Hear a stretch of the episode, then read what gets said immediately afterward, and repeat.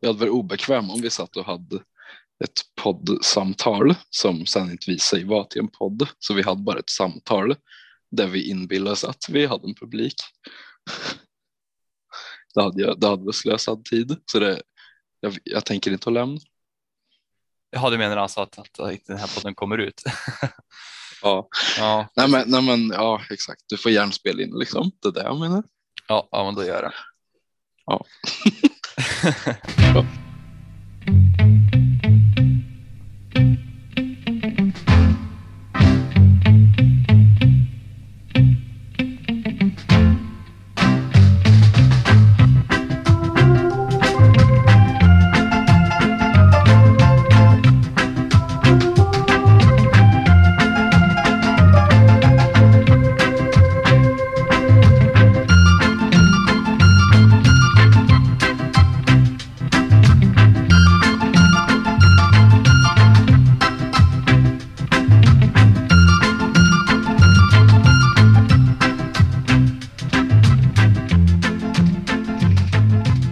Och vänner och välkomna till avsnitt 143 av CSS-podden. Den enda svenska Chelsea-podden skapad av och manövrerad av Chelsea Supporter Sweden. Mitt namn är Hannes Bergenfur och jag är tillbaka som programledare den här veckan. Men med oss idag har vi en ny gäst och det här är lite extra speciellt för mig för att det är inte bara en, en real-expert som sitter här på andra sidan, andra sidan datorn som det tyvärr blir idag på grund av tekniska problem. Men även en barndomsvän till mig. Välkommen till podden Felix Molker. Tack så hemskt mycket. Är Bra rikssvenska också. Det får jag lov att ge beröm för direkt här.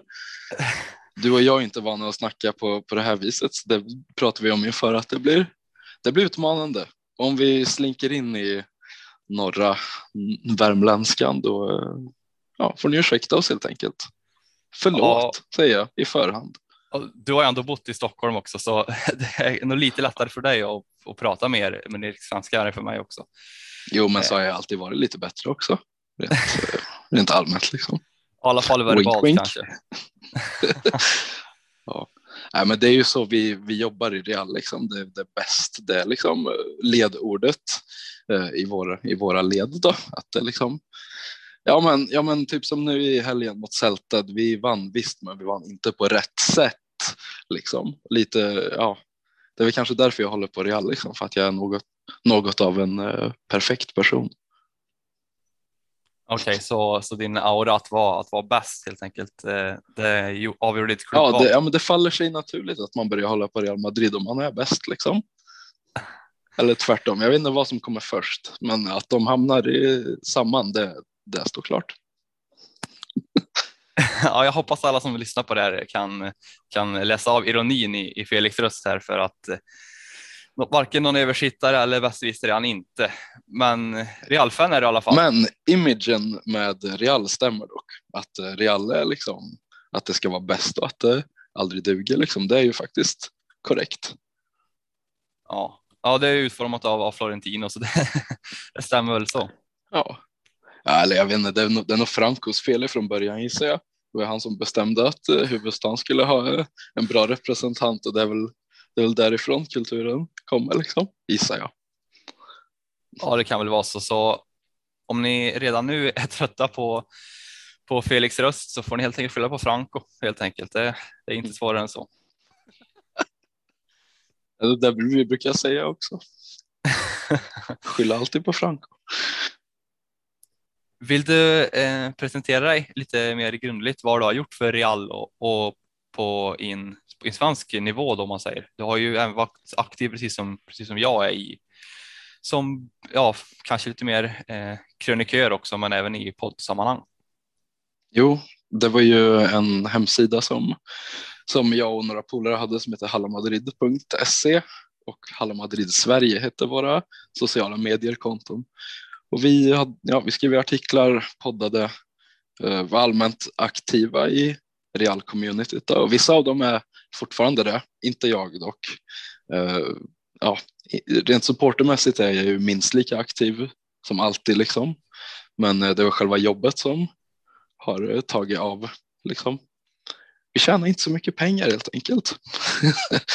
liksom, man blir vuxen, ja det är så, så det blir liksom. Men det var, det var en period som verkligen formade mitt realintresse och min förmåga att kunna medverka i den här podden också. Det, visst, det var flera år sedan, men det, det är en bekant grej fortfarande.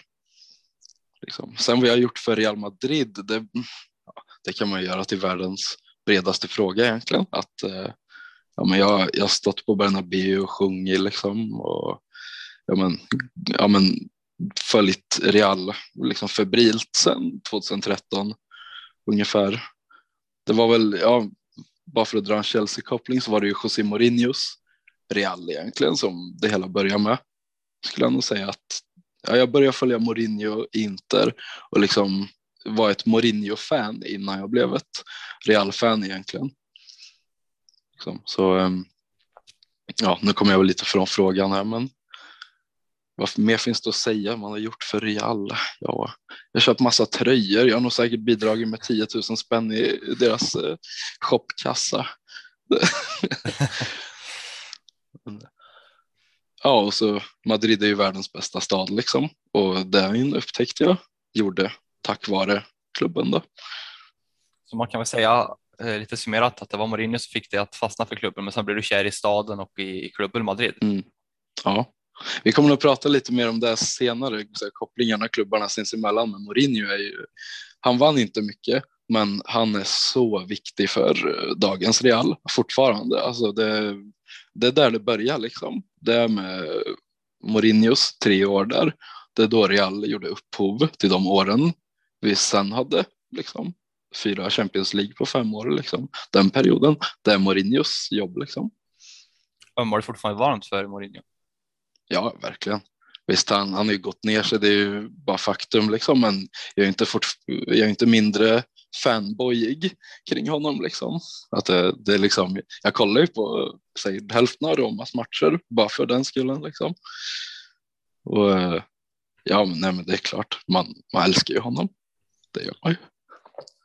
Nu blir jag lite intressant intresserad här för att gäller samma sak Cristiano Ronaldo, för han var ju den bästa spelaren i det Mourinho-laget, den kontringsfotbollen. Han var ju så otroligt bra då. Mm. Eh, såklart.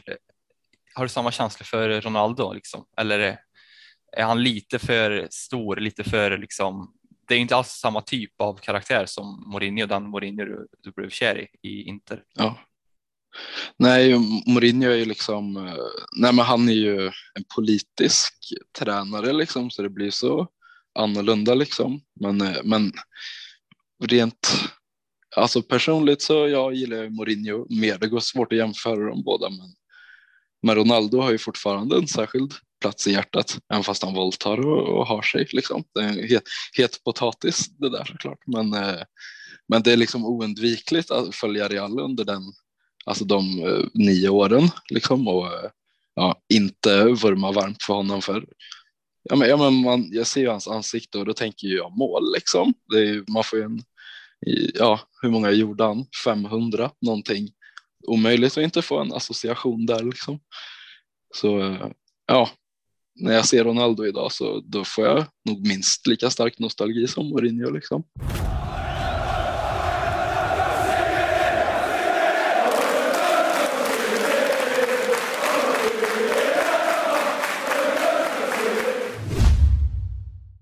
Men kan man eh, kort säga att du blev kär i Mourinho i Inter, men det var Real Madrid som blev den första klubben för dig. Det var inget lag innan som du höll på för att naturligt för svenskar, det vet jag alla vi som lyssnar på den här podden och som är med och producerar den, att man kanske drar sig åt det anglofila hållet och håller på en klubb som Chelsea eller Liverpool.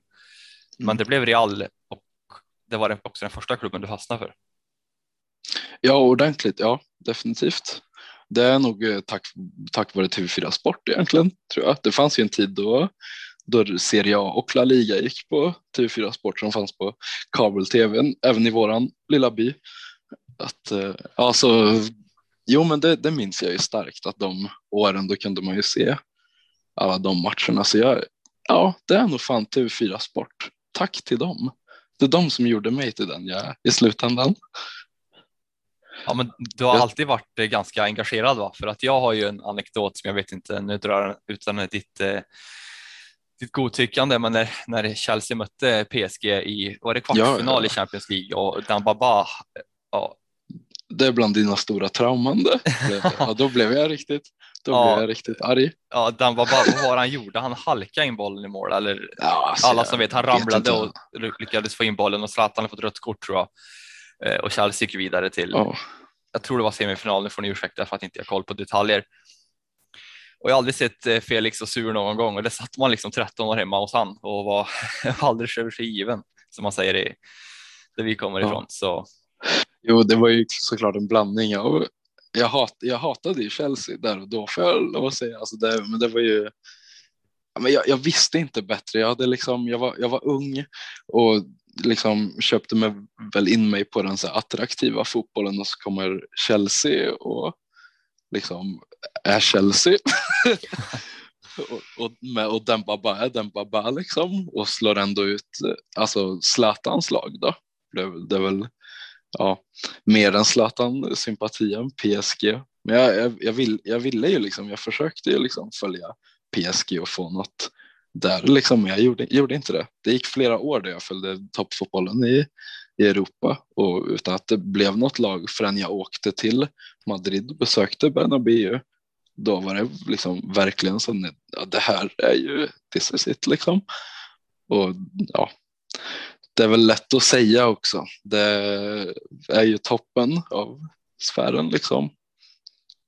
Det, det är klart att jag tycker att Real Madrid är bäst, men om man zoomar ut så ja, då är det ju typ så också liksom, historiskt.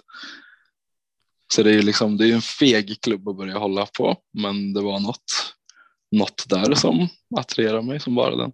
Nej, men det som jag också brukar säga att eh, min fotbollsideologi och den fotbollen jag vurmar för i normala fall kanske inte rimmar helt med vilken klubb Chelsea och vilken pro- klubbfobi Mm. Chelsea har.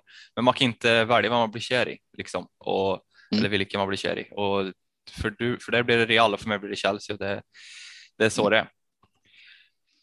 Du sa att du Riktiga rikemans snorungsklubbar. Ja.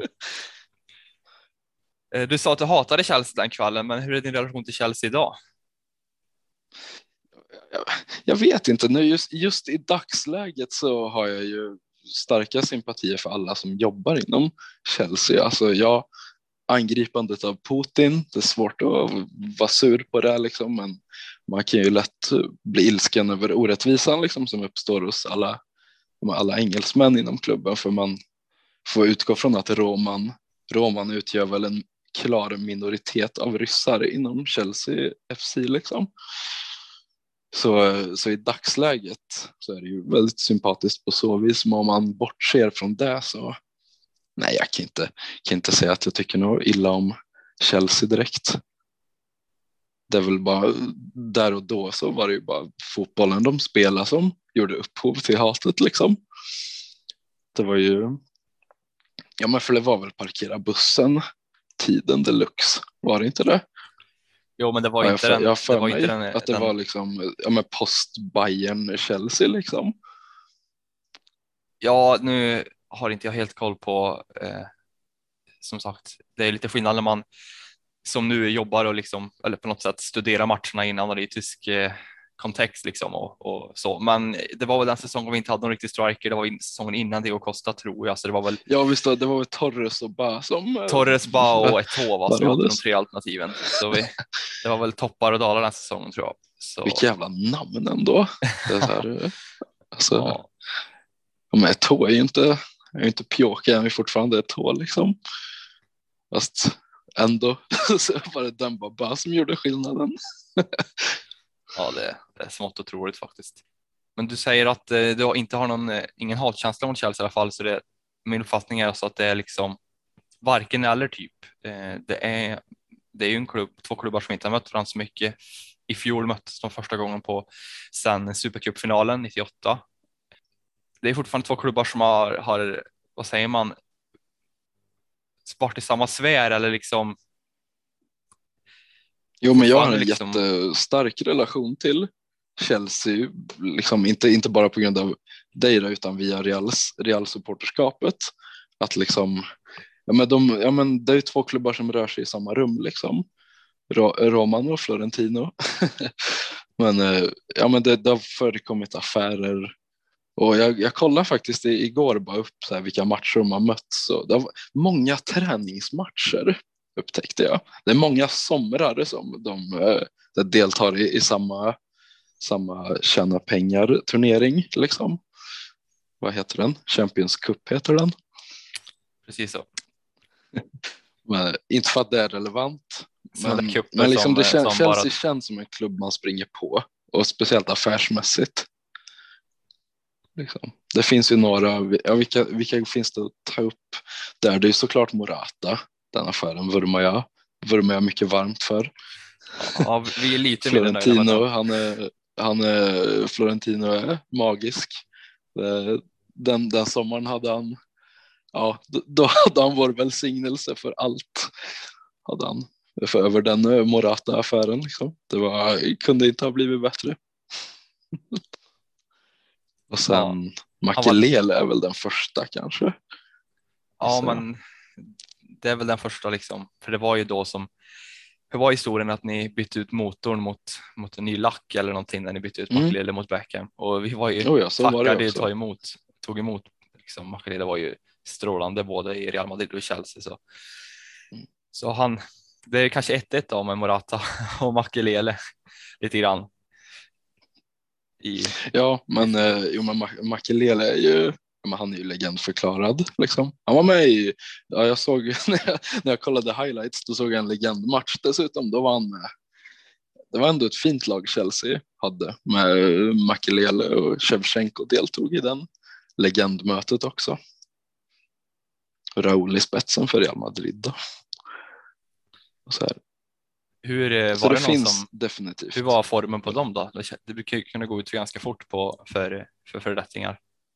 Raúl var bra, men han, eh, han är ju liksom, han är ju tränare för Castilla fort, nu han, och eh, har väl spelat fotboll för skojs skull hela tiden. Han, han är ju en sån där fotbollsberoende liksom. Så han, han är inte som Zidane att han kan spela en VM-final och ändå känna att nu är jag rätt färdig med det här liksom, utan Raúl är sjukligt, sjukligt beroende av fotboll liksom. Så hans form var faktiskt riktigt bra. Och Makelele också såklart. Påminde mycket om eh, Kanté för övrigt. Ja, den, den parallellen har man gjort ett par gånger. Eh, Ja. Kanté, Kanté är ju lite grann av den lite för sent eh, tillkomna Makelele-ersättaren i Chelsea. Så är det ju. Han, Mm. Det är ytterligare en faktor som, som gör att Chelsea inte är hatbara för min del tycker jag. Att, alltså ja, Kanté i sig, men det, är- det är flera spelare i Chelsea som är mycket sympatiska tycker jag. Men Kanté är eh, absolut spets där såklart. Mini Cooper, Kanté. ja, du har ju faktiskt en, faktiskt en tröja med Kanté på ryggen till och med. Ja, det har jag. I Leicester dock, men den är ju blå. Så det duger. Jag har en Chelsea-tröja också med mitt namn på, vilket jag ju avskyr. Det, det är den enda tröjan jag skulle kunna göra mig av med liksom. Och den får lämna min samling liksom. Varför då? Felix, 12 år i London. Ja, fråga mig inte. Ja, kan man skriva vilket namn man vill? Ja, jag, alltså, jag vet inte. Jag vet inte hur det beslutet togs, men jag står inte bakom det nu i alla fall. Okej, ja, det kanske är lite skillnad. Jag faktiskt fått Jag kanske hade en undermedveten dröm om att jag, ja, men jag kanske hamnar i Chelsea, tänkte jag när jag var 12. Ja, så hamnar du i Barcelona istället. ja, precis. På fotbollsläger för de som, Ja. inte, de som inte känner mig. Nej, precis. Eh, ja, vi har lite andra spelare också som jag tänkte att eh, eh, vi kunde nämna här. Vi har ju ASEAN också som har speciellt båda klubbarna. Eh, det var ju lite, lite innan, innan du började hålla på Real, men vad, vad, har du vad du för bild av ASEAN? Nej, men ja, han, bild, bilden jag har av honom, det, det jag får upp alltså, är ju en, en, hans högerbackposition. Liksom. Det är det jag förknippar SCN med i, i huvudsak. Under det sista året med Mourinho så fick SCN vikariera högerback bra många matcher, eh, inklusive mot Dortmund om jag inte minns fel i semifinalen där. Eh, nej, men det är väl en, det är väl en eminent spelare. Jag, är inte, jag kommer inte fram till mycket bilder liksom av hur hans spel var. Men, men han är väl en typisk så här, sid, i sidled, bra i närkamper, mittfältare liksom. Han var inte offensiv liksom, utan mer defensiv Har jag rätt då? Ja, men det, det stämmer väl. Sen så har han ett par Ja. strutar som, som vi Chelsea-fansen inte hatar att kolla på. Som han, ett par skott, det var framförallt då mot Arsenal som en, en ordentlig strut han fick på en gång. Eh, Bättre som- än Alex. Ja, ja, det får jag väl ändå säga, men Alex, Nej, Alex är nej ju... det blir inte bättre än Alex. Nej, det, Eller säger man Alex kanske Ja. man säger. ja, på den tiden så, så, så var det inte så noga hur man uttalade namnet, men Alex avslut är ju, ja, det var bland det sjukaste man har sett då, där och då. Det var väl mot Arsenal dessutom. Ja, Ja, jag minns inte. jag tror det var mot Liverpool faktiskt, eh, men jag kan ha fel. Det kan vara mot Arsenal också. Det var i alla fall, in, det var i alla fall i toppmötet, det, det vet jag. På tal om, på tal om eh, defensiva mittfältare i Chelsea också så vill jag bara verkligen flika in Ramirez när vi är inne på SCN-tiden. Liksom. Där har vi en spelare som jag, alltså, ja, ja men han, han låg i 81 på Fifa, men när jag såg på honom live liksom, så upplevdes han som en 87 liksom. Han, var, han kunde vara det i alla fall. Ja, otroligt underskattad. Eh, Ramirez. En, en ojämn Kanté kan man nästan kalla honom. Ja, ja, kanske, kanske lite grann. Som sagt, det var ju lite för tidigt för att jag skulle kunna få en jättebra uppfattning om, om hur han var rent spelmässigt, men han var i alla fall otroligt viktig där när vi tog Champions League 2012 och den chippen mot Barca glömmer man inte i första taget heller. Han gjorde en identisk chip mot eh, Real Madrid när de möttes 2013 i en träningsmatch som jag kollade highlights på igår. Det var, det var ju lite speciellt för då var det ju Mourinho som tränar Chelsea också. En månad färsk från att lämna Real liksom. Ehm, de ställde ju upp med, båda lagen ställde upp med det absolut bästa de hade. Och Ramirez gjorde ja, ett identiskt mål. Sök upp den ni som, ni som eh, blir kåta av Ramirez chippar. Ja, jag får kolla upp det sen. Vi har ju faktiskt en spelare innan vi kommer in på Kovacic som jag tänkte prata lite mer om för jag vet att du tycker mycket om Kovacic. Vi har faktiskt en spelare i Chelseas trupp som är fostrad i Real Madrid. Vad har du för relation till Marcus Alonso? Ja, nej men inget särskilt faktiskt. Jag, jag, jag spelade med honom på Fifa, gjorde jag innan han var känd liksom. Det, det är där min främsta relation till honom kommer. Sen, eh, alltså det är en grym, grym spelare liksom som gärna hade fått vara i Real. Eh, ja, kan jag meddela kring, kring vår backlinje. Den är ju inte i toppskick liksom. Eh, så han, han hade definitivt kunnat gjort, gjort mycket bra där. Men det är inte så att jag är ledsen över att han är i Chelsea och gör under där istället. Så. Eller hur har han varit förresten? Han har varit. Han är ju eh, bra. Han är. Han är en bra som vatt- in i helvete. Han är, han är en vattendelare eh, minst sagt, men jag tror att eh, majoriteten skulle säga att Marcos Alonso är den första vi skippar i sommar och han ska ut först. jaså? Ja, i stort sett. Eh, han är ingen favorit, dels då på grund av vissa saker som hänt utanför planen i, i Spanien, men eh, också. Det har jag missat helt och hållet. Nu får du berätta för mig. Jag, jag har inga källor på det här mer än, mer än Twitter och om man söker på det så kanske det kommer upp mer grejer, men det går rykten om att han har, han har orsakat en, ja, kört, kört bil helt enkelt, eventuellt berusad och där har blivit eh, fatala skador på, på den han har kört på. Eh, Mm. I form av, form av död till och med tror jag. Så vi, Oj. Men hur fan jag missade det här? Ja, ja. men det var tidigt tror jag under hans ungdomsår eller något sånt. Jag är, jag är inte säker och ni får inte ta det som fakta heller när ni lyssnar på det här. Men eh, Marcus Alonso är en spelare som under Antonio Conte var bra eh, och jag tycker att han då han har offensiven på något sätt. Han har lite fysik.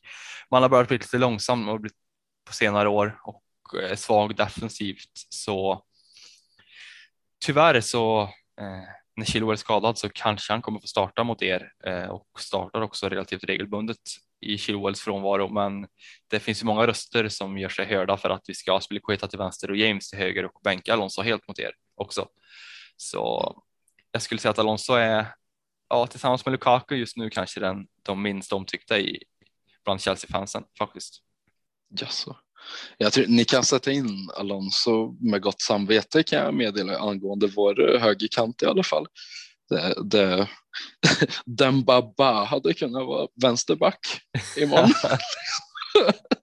alltså helt ärligt, det Reals högerkant består av antingen Lucas Vasquez, eh, Carvajal eh, och eller eh, Asensio. Så, och de tre är i så kass form. Det, de, har inte, de har inte varit bra sedan 2018, någon av dem. Liksom. Så det, det är ju, ja, jag, jag försöker ju spela ner i allt såklart eftersom man inte vill jinxa hur det går liksom. Men, eh, men jag, jag tror på riktigt att ni är klara favoriter. Det enda Real har att komma med är Benzema och Vinicius. Om de inte har en bra dag, då har Real ingenting verkligen. Ja, du ska inte höja oss för mycket för eh, eller sänka ditt eget lag för mycket för att jag tror vi. De det, det är väl Chelsea är väl ett lag. Ja, är inte Chelsea ett lag där det är ganska. Ja, men det, det är konstig stämning i ren allmänhet och det sprider sig till laget liksom.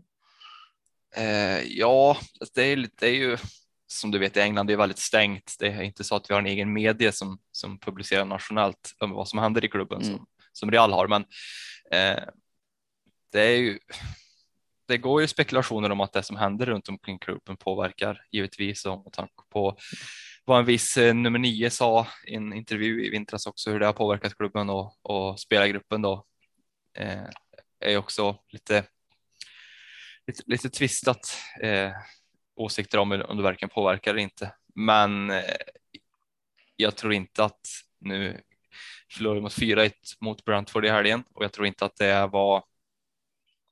Jag tror det var liksom.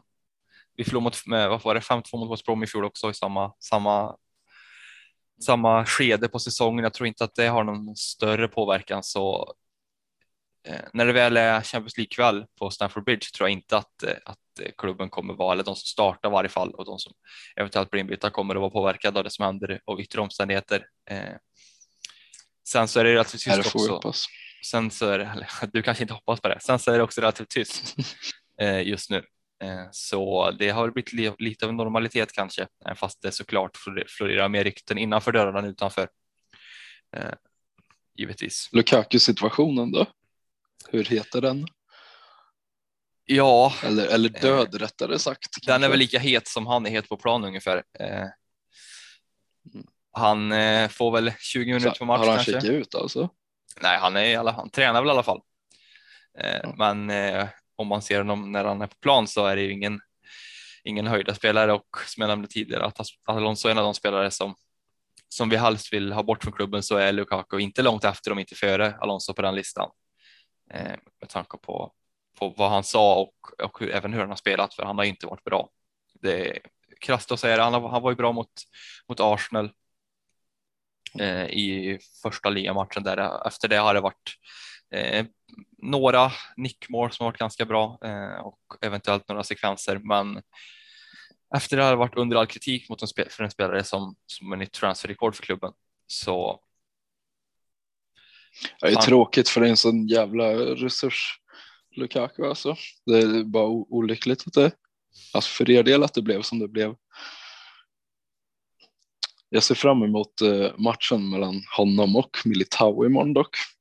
Så jag hoppas, jag hoppas Lukaku inte är för utcheckad för att, eh, för att eh, det kommer bli en, en klassisk så här, Diego Costa versus Pepe duell liksom kommer det, kommer det vara mellan Militao och Lukaku om han är, om han är på tårna. Ja, ja Lukaku. Jag kan ju tipsa om eh, till, till er bettare där ute. Jag, jag skulle gissa att det är ganska bra odds på gult kort för Militao. Det är otroligt sannolikt. Är det. Jag skulle gissa att det är typ tre, tre, fyra odds på det. Men det kommer hända. Om Lukaku startar kommer det ske. Det är jag säker ja, på. Men Lukaku kommer inte starta. Nej, inte. Det kan vi ju konstatera. Men om man kommer in. Nej, vi har en. Vi har en. Nu vet jag inte helt exakt såklart, men min teori är att vi kommer ha en trea fram med Mount Havertz och Pulisic. Mm. Eh, tror jag. Det är lite lite Barca-esk eller vad man ska säga. Alltså, ja. Det känns lite som Guardiola-skolan. Liksom att det, för det, då är det ju uppenbarligen ett anfall som inte har en formation utan som har 15. Liksom. Ja, precis. Nej, det, är, det är ju väldigt flytande givetvis, även fast någonstans så ska ju Havertz vara den som, som eventuellt kan stå för lite lufthot också. Han är ju relativt reslig. Eh, mm. men, men det som du säger att det är mycket mer flytande anfallsspel givetvis, så det kan ju också vara så att starta, starta med tre mittfältare också och eh, eventuellt då bara ha Pulisic och Havertz på topp. Mm. Eh, den, den risken finns ju också att eh, Mount får, får börja på bänken också. Eh, men jag har svårt att tro, eller jag är nästan till 90 procent säker på att Lukaku inte kommer starta. Ja, ja, men det, det, det, tror jag nu när jag tänker på det i efterhand så tror jag att det kan vara ett bra vapen från Chelseas håll. Mm, att, du... ja, men att Real, Reals försvar är, det är ett vilset gäng liksom. Så ehm, så att ha ett rörligt anfall så, det tror jag nog. Ja, det är nog det absolut bästa angripningssättet. Liksom. Ja, du minns väl Ulrik i fjol när vi ställde upp med Werner. Eh, mm. Ja, hur var det nu då? Ja, det gjorde men, väl, men... ja till och med Werner gjorde ju mål då. Ja, precis. Världens enklaste mål. han, han hoppade typ två sekunder alltså, för tidigt. Ja, men innan den situationen så tänkte man ju bara att nej, men kolla, kolla här nu hur Werner kommer missa till och med det här liksom en meter från linjen. Nej, gud.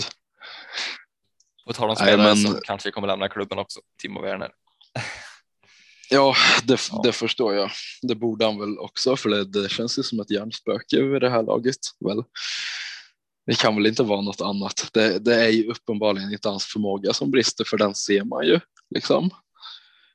Men det är ju det är väl något, något i huvudet liksom, vad fan det nu kan vara.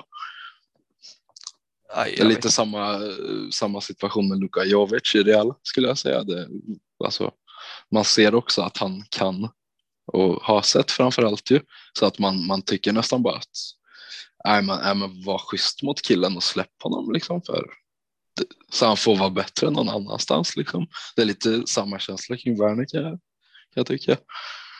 Lite grann som vi har tänkt om Lukas Piasson då, som äntligen, äntligen närmat klubben nu.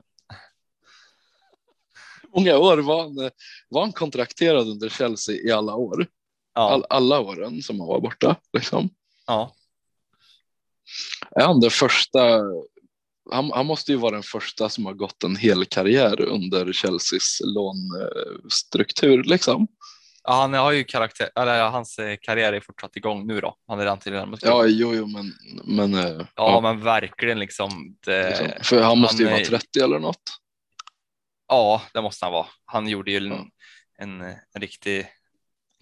Han fortsatte att spinna vidare. Där. Han var ju samtidigt som Thomas Kalas och de här andra som var utlånade i olika, olika vänder runt om i, i fotbolls, ja, primärt då England, men även mm. såklart då Vitesse och, och andra, andra europeiska klubbar. Eh. Fina Vitesse. där, där, har vi en klubb som, eh, ja, den kommer jag till kännedom om tack vare Chelsea.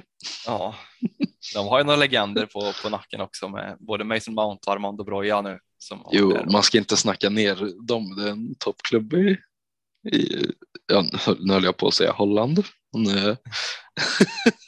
Men det är ju en ansedd klubb. De har en historia liksom.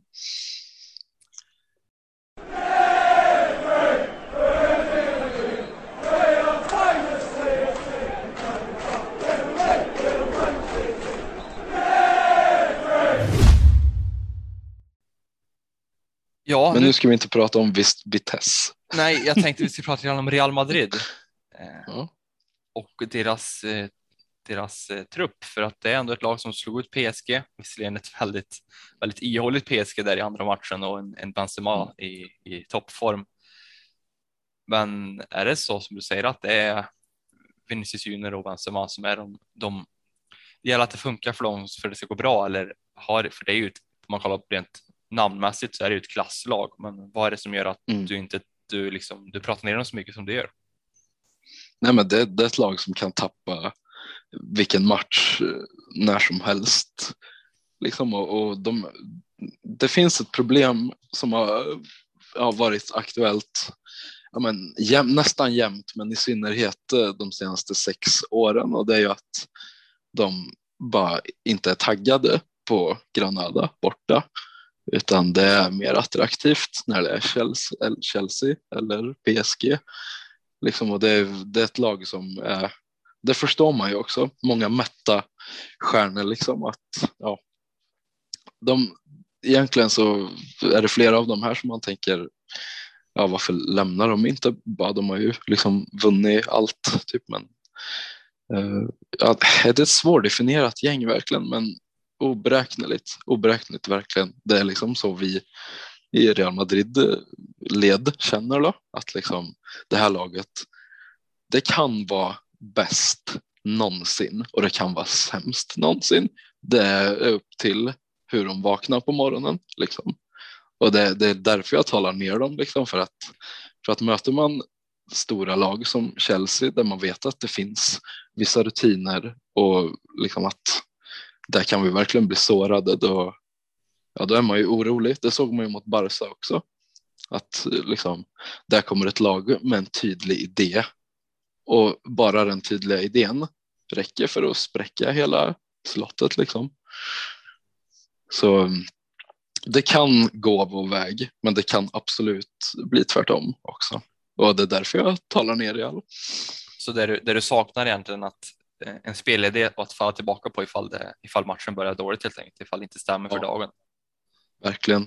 Real, eh, nu efter Ancelotti så ja, det, det, var väl kanske bra val att ta honom. Uh, han, han är en bra gruppbyggare liksom som skapar en, en grupp som har bra kemi sinsemellan. Men där Real behöver härnäst är ju någon Tuchel, alltså aktig, som kommer in och säger att så här är det och så här ska vi göra och ni kan hålla käften. Liksom. Lite, lite så liksom. Eh, för Real Madrid i dagsläget är ett lag utan någon större idé. De har idéer, men inte en röd tråd liksom, utan det, det känns som att det, det, är ett osäkert spel liksom. De, de kör mycket på instinkt och det gör man väl rätt i kanske. I alla fall när det handlar om Luka Modric och Toni Kroos som har liksom varit i alla, alla matchsituationer. Men eh, så kommer ju de Asensio och ja, Vinicius också för den delen som alltså in, inte riktigt har den erfarenheten då och det, eh, ibland så brister det rejält. Väldigt höga toppar, väldigt låga dalar men ändå leder ni La Liga. Jag tänker att det måste finnas någon sorts kontinuitet för att man ska kunna leda en så pass bra serie som, som La Liga. Eh, hur fungerar den ekvationen? Alltså de Atletico och Barca har ju inte varit vassa i år direkt. Det är Sevilla som är, har varit huvudkandidat mot Real liksom. Um, men ja, det är ju klart att det är en rimlig fråga och ribban eh, för oss är ju generellt så hög att visst, laget är bra liksom, men, men eh, man har ju fortfarande sett dem, ja, dalarna liksom. Eh, så och med dem i åtanke så är man ju orolig inför varje match. Men, men ja, som sagt, de kan vara bäst och de kan vara sämst. Men bara de har no, no, någorlunda balans däremellan liksom så funkar det väl att leda ligan men eh, ja, nej, de, de skulle kunna tappa ligan. Det skulle jag nog. Det kan jag se framför mig, men eh, ja, det, grejen med Real är att de kan göra en medioker. De kan göra mediokra 85 minuter och så gör de fem minuter som är helt otroligt bra och så räcker de fem minuterna för att vinna den här matchen. Liksom. Det är många, många matcher som ser ut så. Det låter lite som mot PSG. Där det var en, ja, verkligen. Det var en, en och en halv match var ju PSG i förra sättet. Sen så tog de tag i det, eller Benzema tog ja, tag i det. Ja. Gud, ja, första mötet mot PSG var till och med obehagligt, ska vi säga, för att det var, då hade Real ställt upp med en offensiv eh, startelva och man, man liksom kunde tolka, tolka den som att här, ja, men här kommer vi försöka angripa. Målet med den här uppställningen är att angripa och så kunde de inte ens. Och liksom, då blev man ju rejält orolig alltså för PSG som de har varit. Det är liksom så här om, om vi inte ens kan liksom spela ett enda anfall, för det, det var så det var. Real kunde inte göra ett enda anfall borta mot PSG. Hur i helvete ska det gå mot de här andra då, som rimligtvis ska vara mycket bättre än PSG?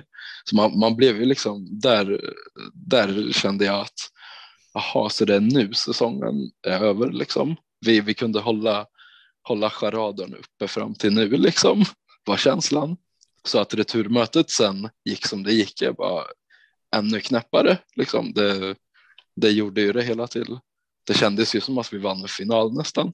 För det, inställningen hos alla var ju att det här är så kört det kan bli liksom. Även fast det bara stod 2-0 till PSG då. Liksom. Och den samma känsla eh, som du beskrev efter första matchen antar jag också kom efter El Clasicot. 4-0 i baken och, mm. och en otrolig klasskillnad också i den matchen. Det måste ju någonstans Gud, ja. bli en Ja, men det var ett, ett förberett lag mot ett oförberett lag, såväl Classico. Liksom. Det var ett lag som tänkte att de kan köra på gammal känsla lite grann och ett lag som hade en tydlig så här gör vi i de här lägena och det räckte tydligen. Liksom så, som Chelsea, Chelsea måste ju ha det i bak, baktanken. Liksom för angriper de den här matchen så som Barcelona gjorde, då ja, är det klart att det, det går inte att göra identiskt, men det jag menar är att om de har en tydlig taktisk plan så tror jag att det räcker långt liksom för Real dagens Real är inte ett lag som har det. I synnerhet inte den här matchen eller när eh, då Ancelotti är sjuk. Ja, han, eh, han har ju corona så det är hans son David som eh, får coacha. Fast egentligen så är det Modric om han blir utbytt i alla fall. Det såg, såg vi Vigo i helgen, då, var det, då blev Modric coach liksom mer, mer eller mindre. Eh, alltså, ja, det säger väl sig självt att Carlos son inte är en stark ledare. Liksom. Så eh, det, det är ett sårbart gäng som ska möta Chelsea här nu. Ja, Chelsea har ju en väldigt tydlig spelidé. Eh, tycker man om man. Det är nästan så det blir torftigt. Det blir nästan så det blir åt andra hållet, nästan som en motsats mot eh, mot Real. Att eh, vi har ju ett ganska tydligt spelsätt, eh, även fast det har, har vacklat lite grann eh, även nu i år med lite rotationer och, och så där. Men det, det, är ju kreativiteten tycker jag som är våran svaghet och det är ju den man ser i Vinicius Junior och Benzema framförallt och även Modric då givetvis som mm. som en styrka också. Eh, ni har ju enligt mig då kanske världens bästa anfallare på topp och det går ju inte förbi se så länge han är på plan så har ni ju alla chanser att vinna. Så är det ju. Så är det. Det håller jag med om också. Det, Benzema har varit. Han har haft den här nivån i sig sedan 2012, men det var 2018, 19 när Ronaldo lämnade som han eh, tog in den i, i rutinlistan. Liksom. För, förr så var det, han kunde vara så här bra, men kunde bara vara var femte match typ. Liksom, men nu är han där varje match och det syns ju verkligen. Alla matcher han inte är med i är ett helt annat lag. Så det, hade jag varit Chelsea-tränare hade jag bara rekommenderat att Christensen bara ja, överfaller honom eller, eller någonting. För liksom skada, eh, blir Benzema skadad då har Real inte mycket att komma med. Så. Han är viktig i försvarsspelet också. Liksom det, det, det, är överallt. Han är inte bara världens bästa anfallare, han är en allround anfallare som försvarar bättre än någon annan anfallare också. Liksom han, eh, hans pressspel är 10 av 10 liksom. Det, det, det är liksom halva hans förmåga, är hans pressspel typ. Det är alltså Real Madrids Marcus Berg. Ja, ja väldigt bra liknelse. Benzema och Marcus Berg, de, de brukar jag absolut associera med varandra. ja. Nej då, men, men ja, han, han eh, eh, vi kan väl utgå från att Marcus Berg blev inspirerad av Benzema och inte tvärtom kanske. Ja, vi får utgå från det i alla fall. Ja.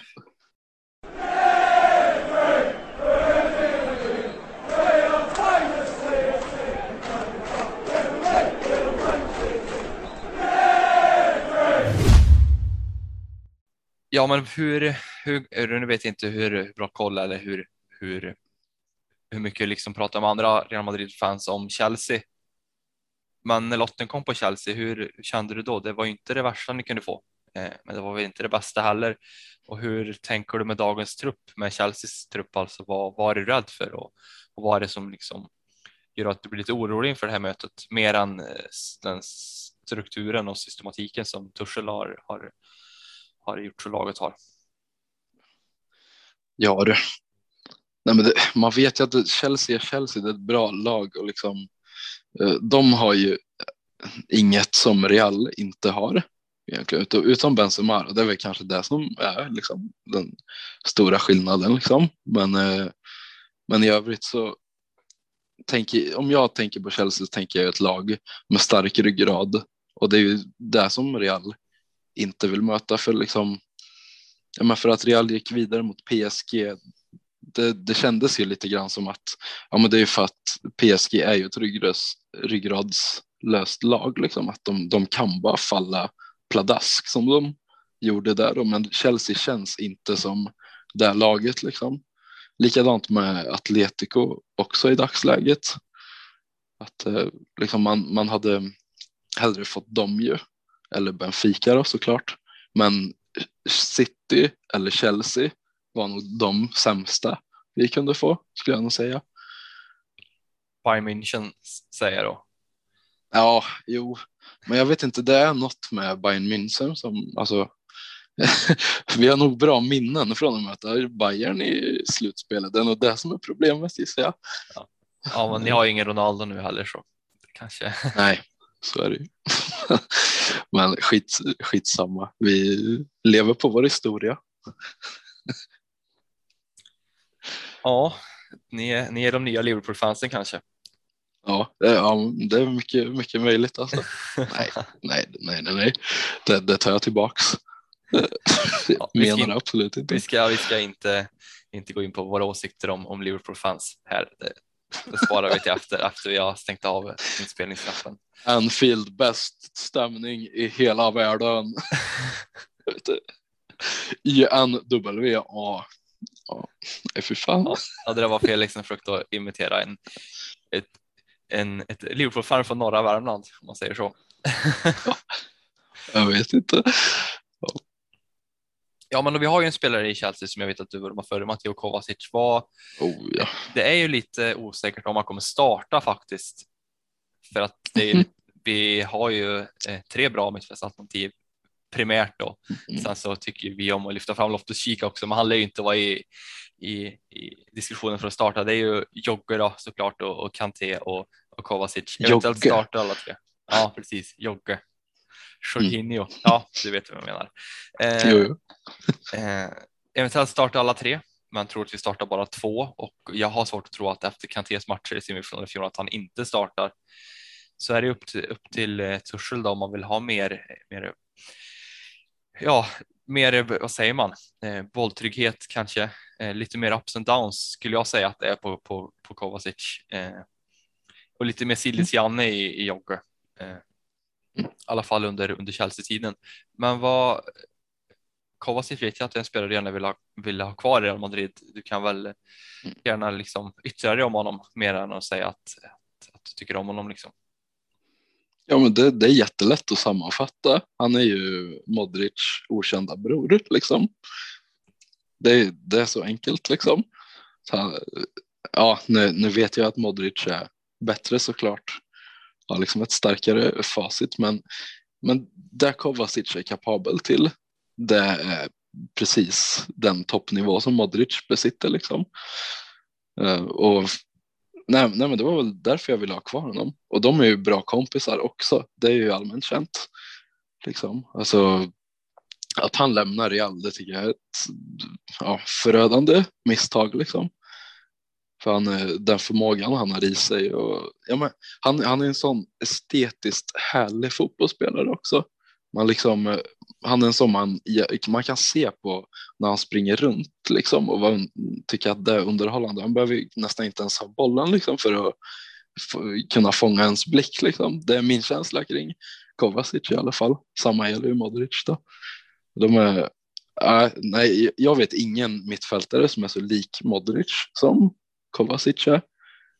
Och det är väl där jag känner att där kastar Real bort någonting. Liksom. Ja, jag tycker att eh, Modric har lite mer finess eh, och lite, lite större jämnhet också i sitt spel. Det är väl också det som kanske är skillnaden i, i, i ja, alltså det finns anledning varför Modric har en Ballon d'Or och inte Kovacic. Eh, mm. Men Kovacic känns ju också på något sätt som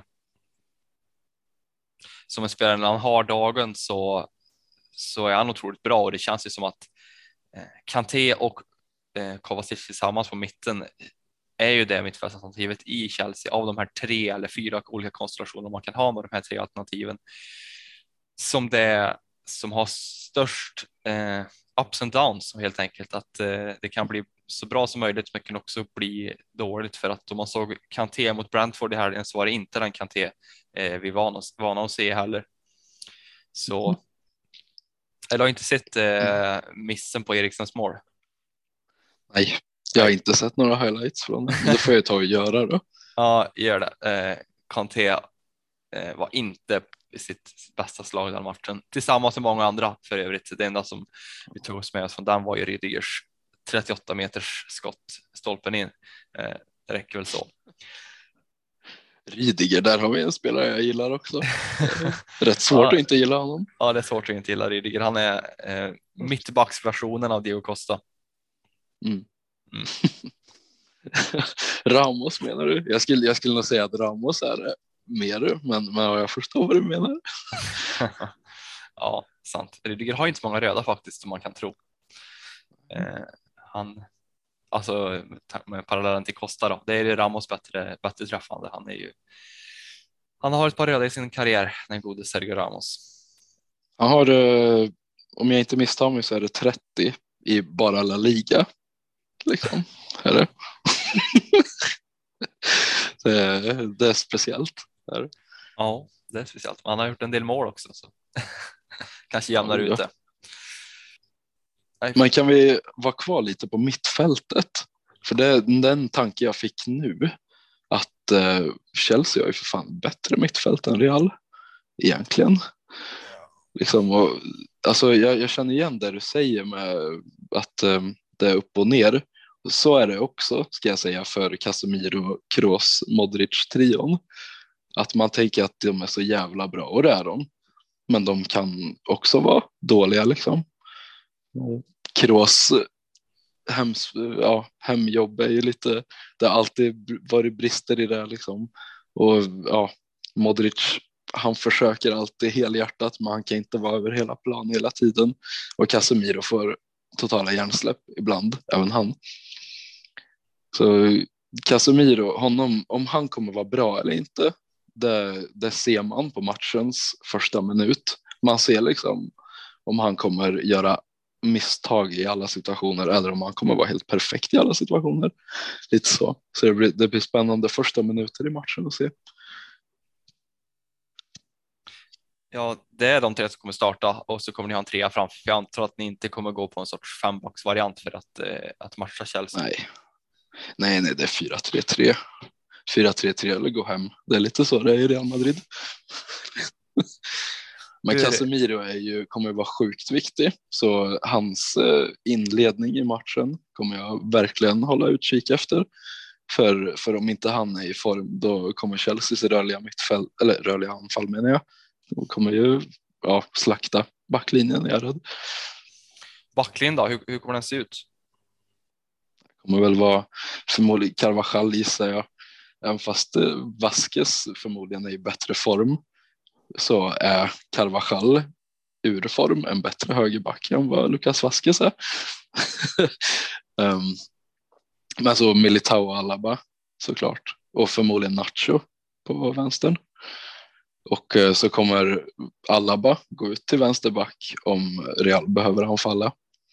Så även backlinjen byter de positioner i precis som i anfallet. Liksom. Det är en ganska bra taktik faktiskt.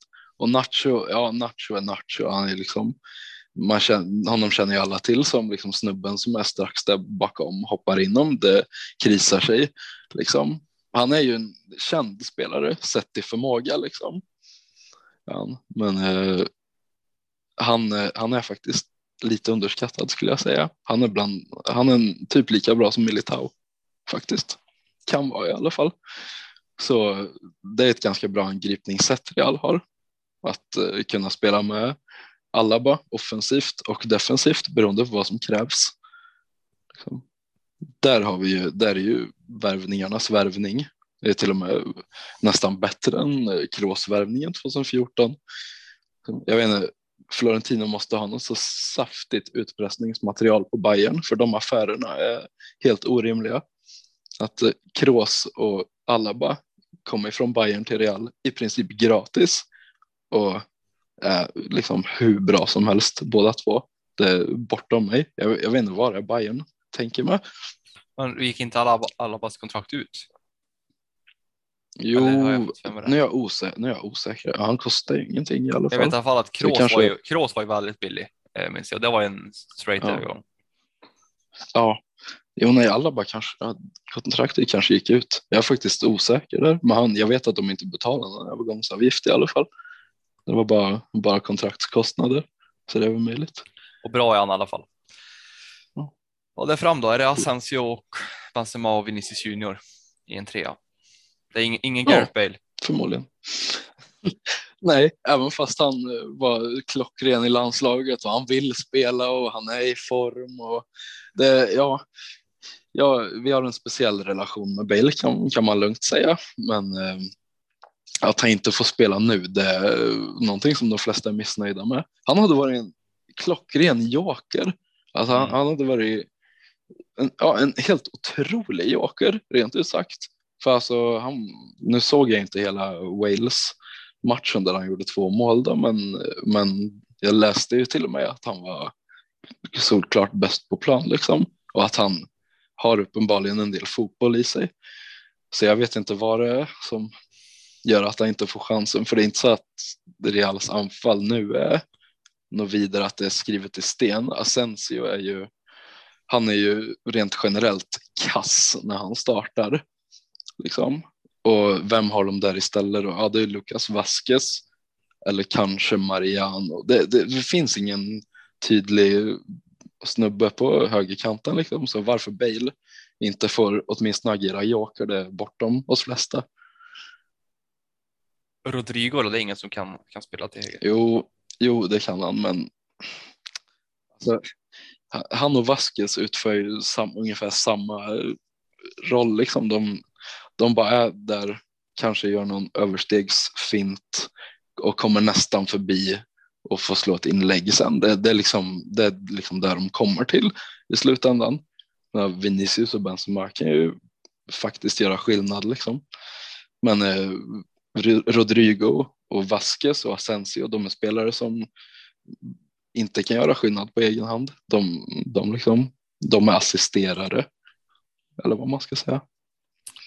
Ja, och vi har ju utrymmet ett alternativ här som inte är eh, inte kan vara spela imorgon oavsett vad. Han kanske inte hade gjort det ändå, eh, men att göra det själv som du nämnde, det kunde han minst sagt göra i Chelsea. Men Eden Hazard situation i Real Madrid, det är ju minst sagt eh, prekär Just, ja. eh, och jag vill höra ur ett Real Madrid fans perspektiv.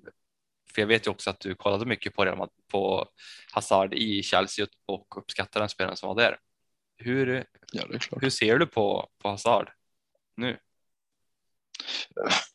Ja, jag, jag, skulle, jag skulle vilja ha ett samtal med honom bara för nyfikenhetens skull. Att liksom så här, hur, hur upplever du allt det här? För han går ju, bilderna man ser på honom är ju att han är leende och han, han liksom, alla i gruppen pratar gott om honom också. Men så spelar han inte och av uppenbara skäl, det ser man ju när han väl spelar, han är inte bra liksom. Han, är, han platsar inte. Han liksom, nej men, nej men, eh, jag vet inte vad det är, men det, det kan ju bli så med spelare efter skador, liksom som Ronaldo med sin knäåkomma. Det fanns ju Ronaldo-dribblern och Ronaldo-strikern liksom. Och det hade ju med en knäskada att göra. Och det känns lite som att det kanske, något sånt kanske har hänt Hazard. För han kan inte ta bollen och bara kuta iväg som Vinicius kan nu då. Och som han gjorde som Hazard gjorde förr. Det har han inte. Liksom. Så om man inte har det, vad har han då egentligen? Ja, då, då är det inte så jättemycket faktiskt. Så när han kommer in så det, det är bara sorgligt att se honom faktiskt. Med tanke på, som du sa, hans tid i Chelsea. Där man såg att ja, men när han värvades för 100 miljoner så var ju det hur rimligt som helst. Ja, bra idé tänkte man liksom. Men eh, så bara, bara hände det inte. Och varför, det kan ingen förklara. Nej, han var ju en spelare som levde mycket på inte, alltså, det finns ju spelare som är större exempel på att leva på acceleration och, och så där. Eh, men det känns, mm. känns som att den accelerationen han hade kombinerat med den fantastiska tekniken på sin prime at the time så var det ju bara Messi som kunde som var bättre och lika bra då, givetvis eh, som Hazard. Han var ju tvåan bakom Messi i världen på just det han gjorde och. Eh, uppenbarligen då så, så har ju den här skadan påverkat honom så han inte kan han träna upp på samma sätt. Det är väl min bild av det hela. Sen så går det rykten om att han är lat också, att han dyker upp lite överviktig på, på försäsongen där första sommaren efter sin drömflytt och, och allt där. Det är hur ser man på den situationen? Eh, är det någon skuld på, på Hazard själv i, i Real Madrid fans led? Över den situationen? Ja, det, det, är klart att det, är det och det gjorde han ju inte bättre genom att vara, delta i en McDonalds reklam för ett år sedan. det, det, var, det var droppen liksom. Det var så här, okej, okay, nu vet vi, han bryr sig inte ett piss liksom. Det var, så, så ja, det finns definitivt skuld där. Men det, det är skuld hos eh, läkarteamet också som tack och lov har bytts ut. Det, det är nog, jag vet inte, det är väl inte så många som känner till det kanske, men Real har ju haft så enorma skadeproblem sedan 2014. Alltså nästan så att halva truppen har varit borta, alltså stundtals, och alltså i flera år. Och det, det är liksom, ja, men det är inte, det är inte hållbart om man ska vara bäst. Nu lyckades, lyckades de vara bäst flera gånger ändå på något vänster, men, men ja, det finns ju skuld i läkarteamet som fortfarande rådde när Hazard kom då. Men eh, nu har ju de bytts ut och till synes så är inte spelare skadade lika mycket. De måste ändra träningen dramatiskt någonting. I alla fall, det var det var tur att de kom till den insikten i alla fall. Så de skuld, lägger man ju inte än då. Men skadan kanske redan är gjord för Hazards del liksom. Så man får ju ta, ta hänsyn till att det är det här dåliga fysteamet som eh, ändå behandlade Hazards initiala skador i, i Real då. Men nu är de borta så nu, nu kan man ju, nu skyller vi på honom. Nej då. Men du då? Hur själv eh, tänker du kring, kring matchen? Tonar ni ner eh, Chelseas för, alltså förhoppningar precis som vi i Real gör?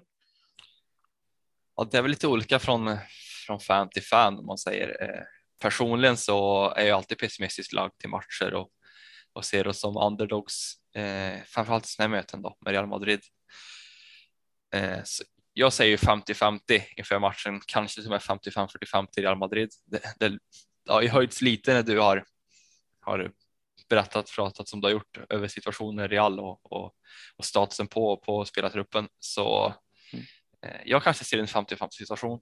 Eh, överlag generellt i, i fanskaran så tror jag nog att, att vi går in med eh, minnet av förra, förra säsongens semifinaler och hur bra vi utförde dem. Vi var ju fruktansvärt bra, framför allt då första 20 minuterna, första halvtimmen i eh, semifinal 1 som ju var mm. bland det bästa vi spelat på hela säsongen skulle jag vilja säga. Sen så är det lite olika också. Vi har ju varit lite halvdana den här säsongen måste vi ändå erkänna. Vi har varit lite ups and downs. Det har varit mycket trubbel minst sagt och mycket fokus på annat än sporten också på senare tid.